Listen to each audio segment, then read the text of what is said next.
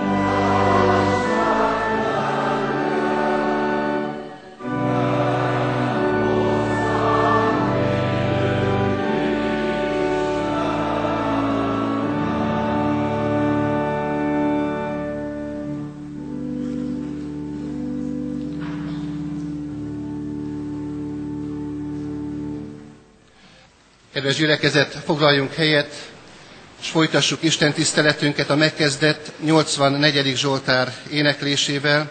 A 84. Zsoltár 6. versét énekeljük, amely így kezdődik, mert minékünk fényes napunk az Isten.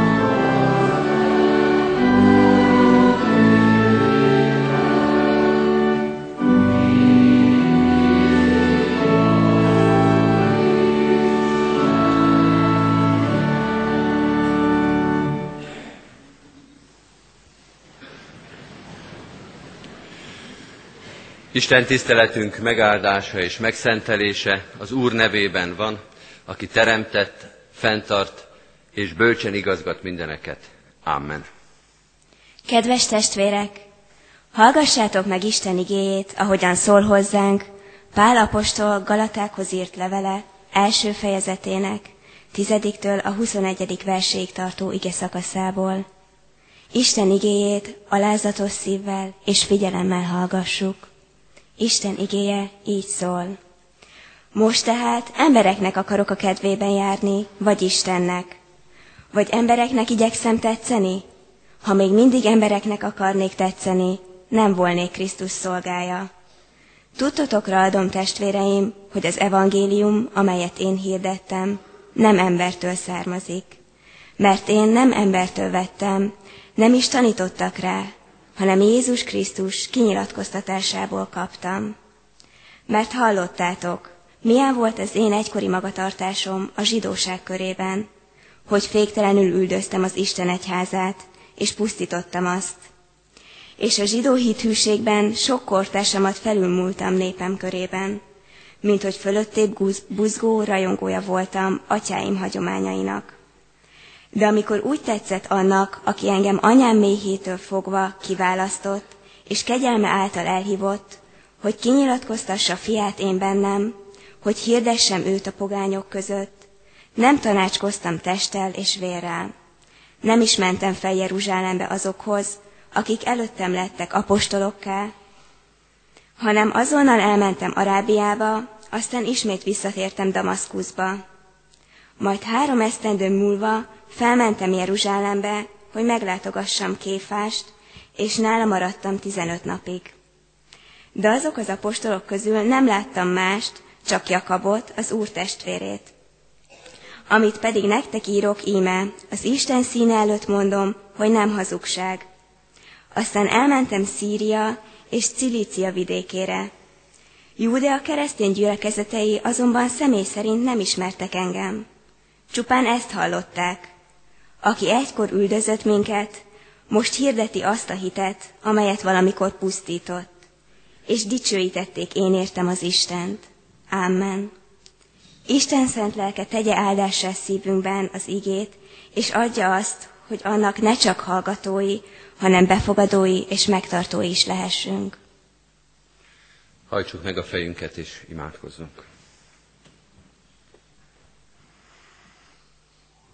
Urunk, Te, aki ismered egész életünket, annak minden pillanatát, jó és rossz napjainkat, helyes és helytelen döntéseinket, jöjj most kegyelmeddel és szereteteddel, és emelj fel bennünket.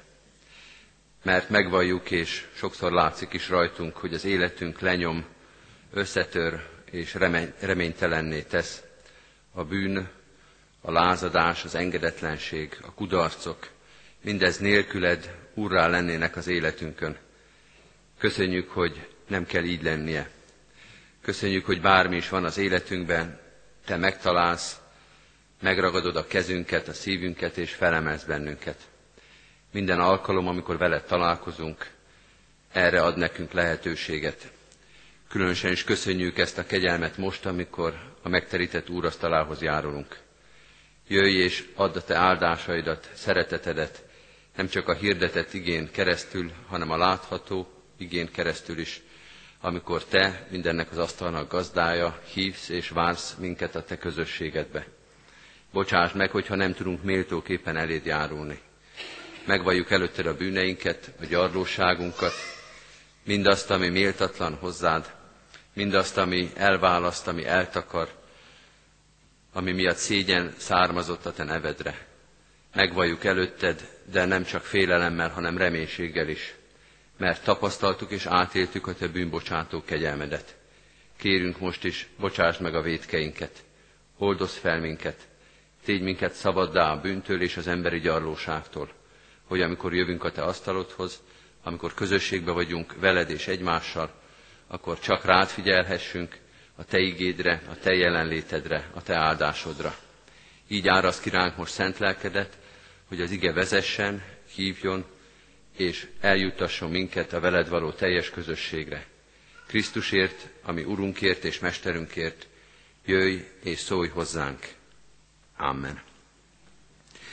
Kedves testvérek, készüljünk az ige hirdetésre a 450. dicséretünket, dicséretünkkel, annak első verszakával. Drága dolog az Úristen dicsérni, színe előtt kegyesen énekelni.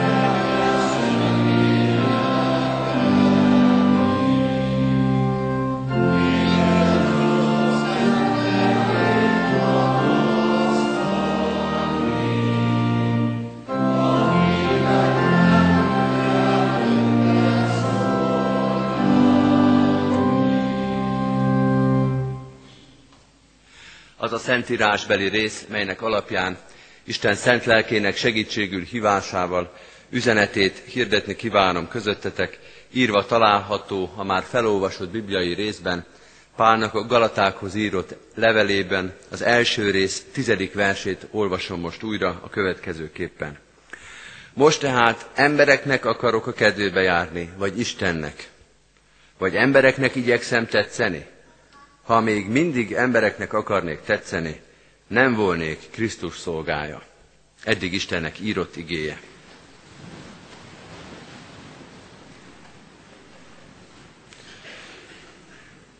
Kedves testvérek, ebből az egy mondatból is, vagy pár mondatból is kitetszik, ami látszik az egész levélen, hogy ez egy indulatos levél. Pálban egyébként is van indulat, valószínűleg, de a Galata levél az kifejezetten ilyen. Ha végigolvassa az ember, akkor mintha azt érezné, hogy Pál szinte kapkodva írja a levelet, gyorsan a kötelező levélformát egy mondattal letudja, amit egyébként más leveleknél szépen, udvariasan és hosszan e, alkalmaz, így gyorsan ír egy bevezető köszöntést, és utána neki a témának, majdnem azt mondom, hogy neki a Galata gyülekezetnek, és szídja a gyülekezetet, és korholja őket, és győzködi őket. Valami nagyon feszíti Pált. És sokszor olyan mondatokat ír le, esztelen Galaták, kicsoda csapott be titeket, kicsoda vezetett meg titeket, amit stílusban és megfogalmazásban más levelekben nem is használ. Miért ilyen dühös Pál? Alapvonalakban csak annyit mondanék erről, hogy abban a gyülekezetben, amelyet Pálon keresztül hívott létre az Úristen, tehát Pál missziójának a területén, a Galata nehezen meghatározó gyülekezeti körben, a Galatáknak a közösségében tévtanítók ütötték fel a fejüket, tévtanítások ütötték fel a fejüket, tehát Pálnak a saját missziói gyülekezetében egyszer csak idegen hangok szólalnak meg, éppen Pállal szemben. És megkérdőjelezik Pálnak az apostoli tekintélyét, és azt mondják a Galata gyülekezet tagjainak, hogy mit foglalkoztok ti Pállal? Miért hisztek ti Pálnak? Hát apostol ő? Hát kik az apostolok? Jézusnak a tanítványai, a tizenkettő. Hát hol volt Pál akkor, amikor Jézus egybehívta a tizenkettőt? Hol volt Pál akkor, amikor mi már követtük Jézust. Jól tudjuk, hogy hol volt. Emlékszünk arra, hogy Pál ki volt, de jó, felejtsük el Pálnak a keresztény üldöző korszakát. Lehet megtérés, lehet pálfordulás, na de ettől még nem válik valaki apostollá. Ha emlékeztek, megválasztottuk az utódot Mátyás szemébe, de ki választotta Pált? Ki mondta Pálról, hogy ő apostol? Pálapostól ezekkel az emberekkel szemben azt mondja, ebben a felolvasott részben, és nem azért vagyok én apostol, mert ti annak neveztek. Mert a jeruzsálemi oszlopok, a jeruzsálemi nagy tekintélyek befogadtak engem az ő közösségükbe. Engem az Úr tett apostollá. Az Úr választott. Ha tovább olvastam volna a részt, beleolvasva abba, amit Emese felolvasott, azt olvassuk, Tudtotokra adom testvéreim, hogy az evangélium, amelyet én hirdettem, nem emberektől származik, mert én nem embertől vettem, nem is tanítottak rá, hanem Jézus Krisztus kinyilatkoztatásából kaptam. Még egyszer fogjuk ugyanezt a gondolatot hallani, amikor az úrvacsora szereztetési igéjét hallgatjuk. Én az Úrtól vettem, amit néktek előtökbe is adtam. Pál szenvedélyesen és az Úrra hivatkozva érvel az apostolsága mellett, de nem az apostoli tekintély mellett, hanem az apostoli tanítás mellett. Hogy az, amit ő mond, az nem Pál apostolnak a magán kezdeményezése, hanem Istentől jövő tanítás, ezért kell abban megmaradni. Ezért hangzik el, és ebben a vitában az a tizedik vers, amelyet textusként felolvastam, és amelyet most már egy kicsit a vitától függetlenül, ettől a történelmi helyzettől függetlenül szeretnék értelmezni és magyarázni. Az első dolog, amelyet Pál elmond, és nagyon pontosan megfogalmaz, hogy abban, hogy kinek akar az ember kedvezni, hogy az ember kire tekint, abban két ellentétes irány létezik. Vagy az Istennek, vagy az embernek. Tehát nem azt mondja, hogy kinek tetszünk, hanem hogy kinek akarunk tetszeni. Kifelé fordul az életünk. Kifelé törekszünk. Ebben a kérdésben két ellentétes irányban Van, vagy az Istennek akarunk tetszeni, vagy az Isten felé irányul az életünk, vagy az emberek felé. És ez a kettő, ez nem elegyíthető, ez a kettő nem szinkronizálható, ezt a kettőt nem lehet egyszerre megtenni. Régi probléma ez, már az Ószövetség profétái is így csattannak fel Izrael felé, hogy meddig sántikátok még két felé. Jézus azt mondja az öt hallgatóknak, hogy nem szolgálhatok egyszerre két úrnak, Istennek és a mammonnak, mert vagy az egyiket tisztelitek, és a másikat gyűlölitek, vagy fordítva, a másikat gyűlölitek, és akkor ezt fogjátok szeretni. Mi a magyar nyelvben, ugye lovas nemzet lennénk, azt mondjuk, hogy nem lehet egy fenékkel két lovat megülni. Akár melyik megfogalmazást vesszük, azra, arra következtetésre juthatunk, vagy arra mutat ez az újból és újból előjövő figyelmeztetés, hogy állandó a kísértés, hogy két ellentétes dolgot egymással egy időben, egymással valahogy kiegyezve megtegyen az ember. Megpróbálja az ember a lehetetlent, és egyszerre Isten felé, és az ember felé is kedvezni. Egyszer erre fordítja az életét, egyszer arra. Ma már viccesnek tűnik ez a kép, amelyet most vázolok, de annyira nem volt azért vicces. Volt körülbelül egy fél év a 40-es évek végén, amikor már megtörtént a kommunista hatalom átvétel, de még voltak tábori lelkészek. És akkor volt egy tábori püspök, aki megcsináltatta az új egyenruhát, az úgy nézett ki, hogy tány, és akkor közepén volt egy hatalmas vörös csillag, a nyakában meg egy nagy kereszt. Így utólag az eseményeket ismerve nehéz elképzelni, hogy ez hogy működött volna. Egyébként volt, aki a rendszerváltásig azt gondolta, hogy ez működik, de egyszerre hordozni két ilyen szimbólumot, ez most már szinte grotesznek és nevetségesnek tűnik. De megpróbálja az ember azt is, ami nyilvánvalóan nem megy. Pál azt mondja, ez két külön irány, most rögtön az elején szögezzük le, hogy vagy az Istennek, vagy az embernek akar kedvezni. De hogy mit jelent az, és ez ma második gondolata Pálnak, hogy az embernek akarok kedvezni, ez már egy kicsit differenciáltabb és sokrétűbb dolog. Sok minden tartozhat abba bele, hogy én az embernek akarok kedvezni. Pál esetében ugye az a kérdés, hogy az emberi tekintének akarok-e megfelelni. Én, Pál apostol, szeretném elérni, hogy az oszlopapostolok, a jeruzsálemi nagyok, a nagy tekintélyek elismerjenek engem. Azon dolgozom-e, hogy valahogy elfogadtassam magamat a nagyokkal. És Pál azt mondja, hogy nem. Én nem ezzel foglalkozom. Engem nem az érdekel, hogy a jeruzsálemi nagyapostolok elismernek-e, hanem hogy az Úristen elismere. Tehát az emberi tekintének akarok-e kedvezni, vagy pedig az Úristennek. De az ember alatt érthetünk mást is, nem csak az emberi tekintét. Például a többséget. Szoktuk is így nevezni, hogy a közvéleménynek a nyomását. Hogy úgy általában mit gondolnak az emberek, tudunk-e avval szembe menni keresztényként, vagy muszáj valahogy a közvélekedésnek, az elvárásnak, a közvélemény nyomásának megfelelni. Vagy hogy még nehezebbet mondjak, amikor az embereknek kedvezés nem másokat jelent, nem a közvélemény, hanem saját magamat, a saját egómnak, hogy az Istennek akarok-e kedvezni, vagy magam akarok jól járni az életemben. Nagy kérdés és nagy kísértés. Vagy, hogyha még távolodunk egy kicsit, és absztraktabb, elvontabb dolgokat keresünk, nagy emberi eszmék, az emberiség szent céljai, tudomány, művészet, ideológiák, mind-mind oda tartoznak az emberi címszó alá. Azt mondja Pálapostól, vagy Istennek, vagy embernek akarok kedvezni, de az embernek alatt sok minden érthető. És amiket itt felsoroltam, és még sorolhatnánk, azok mind az embernek címszó alá kell, hogy bekerüljenek. Tehát igazából nem útelágazás ez, hogy vagy jobbra, vagy balra megyek, hanem egy csomó pont, ahol egy út vezet az Úristen felé, és még sok másik út van, de egyik sem fog az Úristen felé vezetni. Tehát csak egyet lehet az Isten felé, és minden más rossz irány lesz. Vagy van az a bizonyos rejtvény, bizonyára ismerjük, hogy a kép két sarkában van két kis rajz, mondjuk egy kincskereső, és a másik sarokban van egy kincs, és a sok-sok vonal vezet kuszán a, von, a lap közepén, és meg kell találni, hogy melyik út vezet el a célhoz. De csak egy vezet el, Hiába indulhat az ember 5-6 vonalon, azt kell megkeresni, hogy melyik az az egy, amely elvezet az igazi célhoz.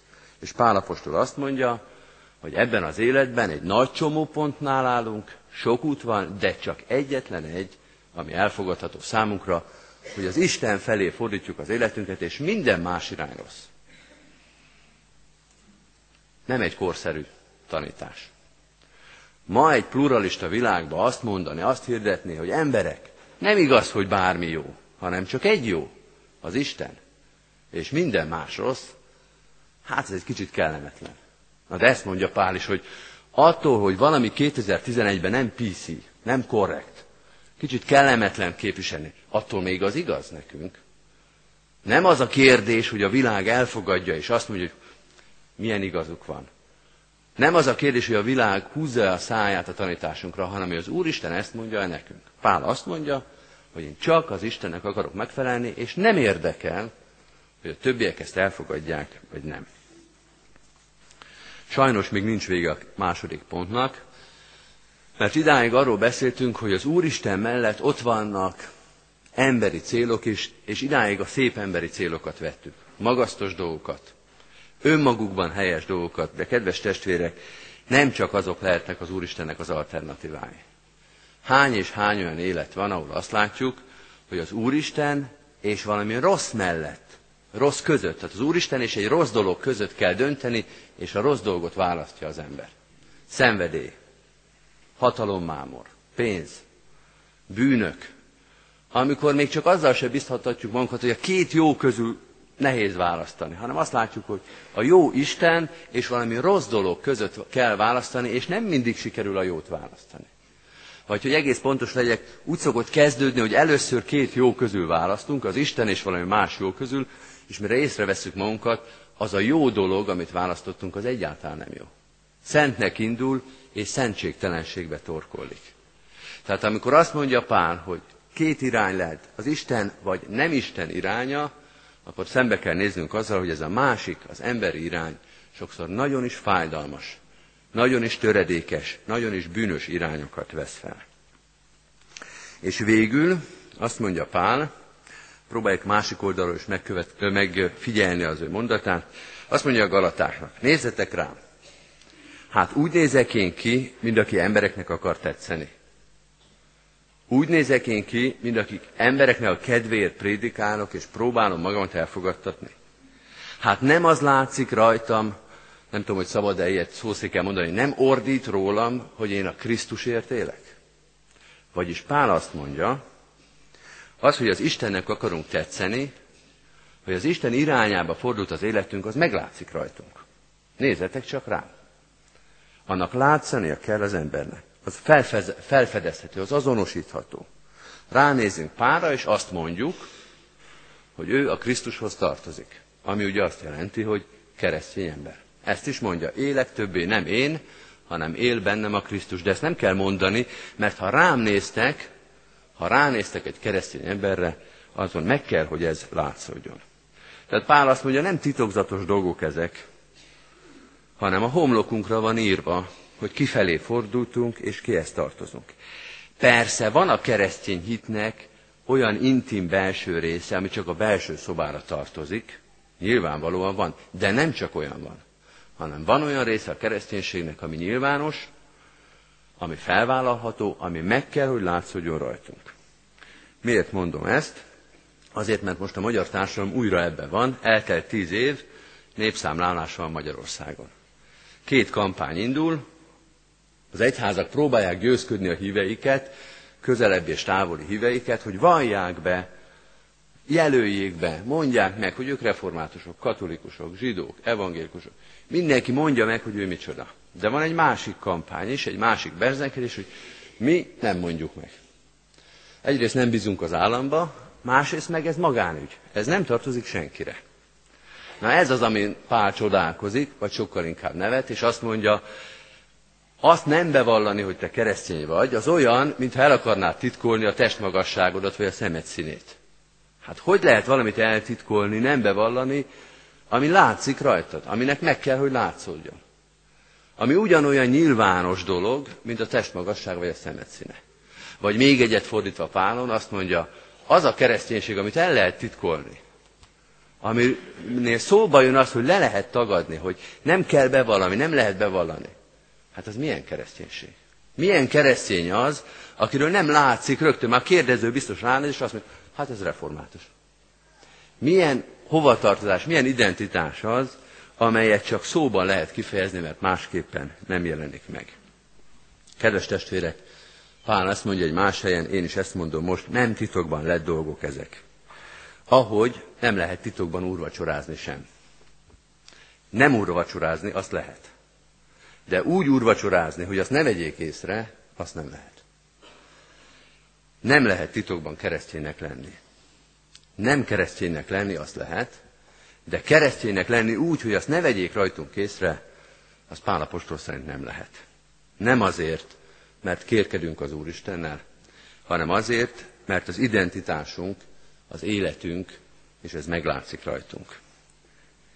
Így készüljünk az úrasztali közösséghez, így folytassuk az igével való találkozást a látható igében, énekeljük az úrvacsorára készülve a 287. dicséretünk első, második és hatodik verszakát.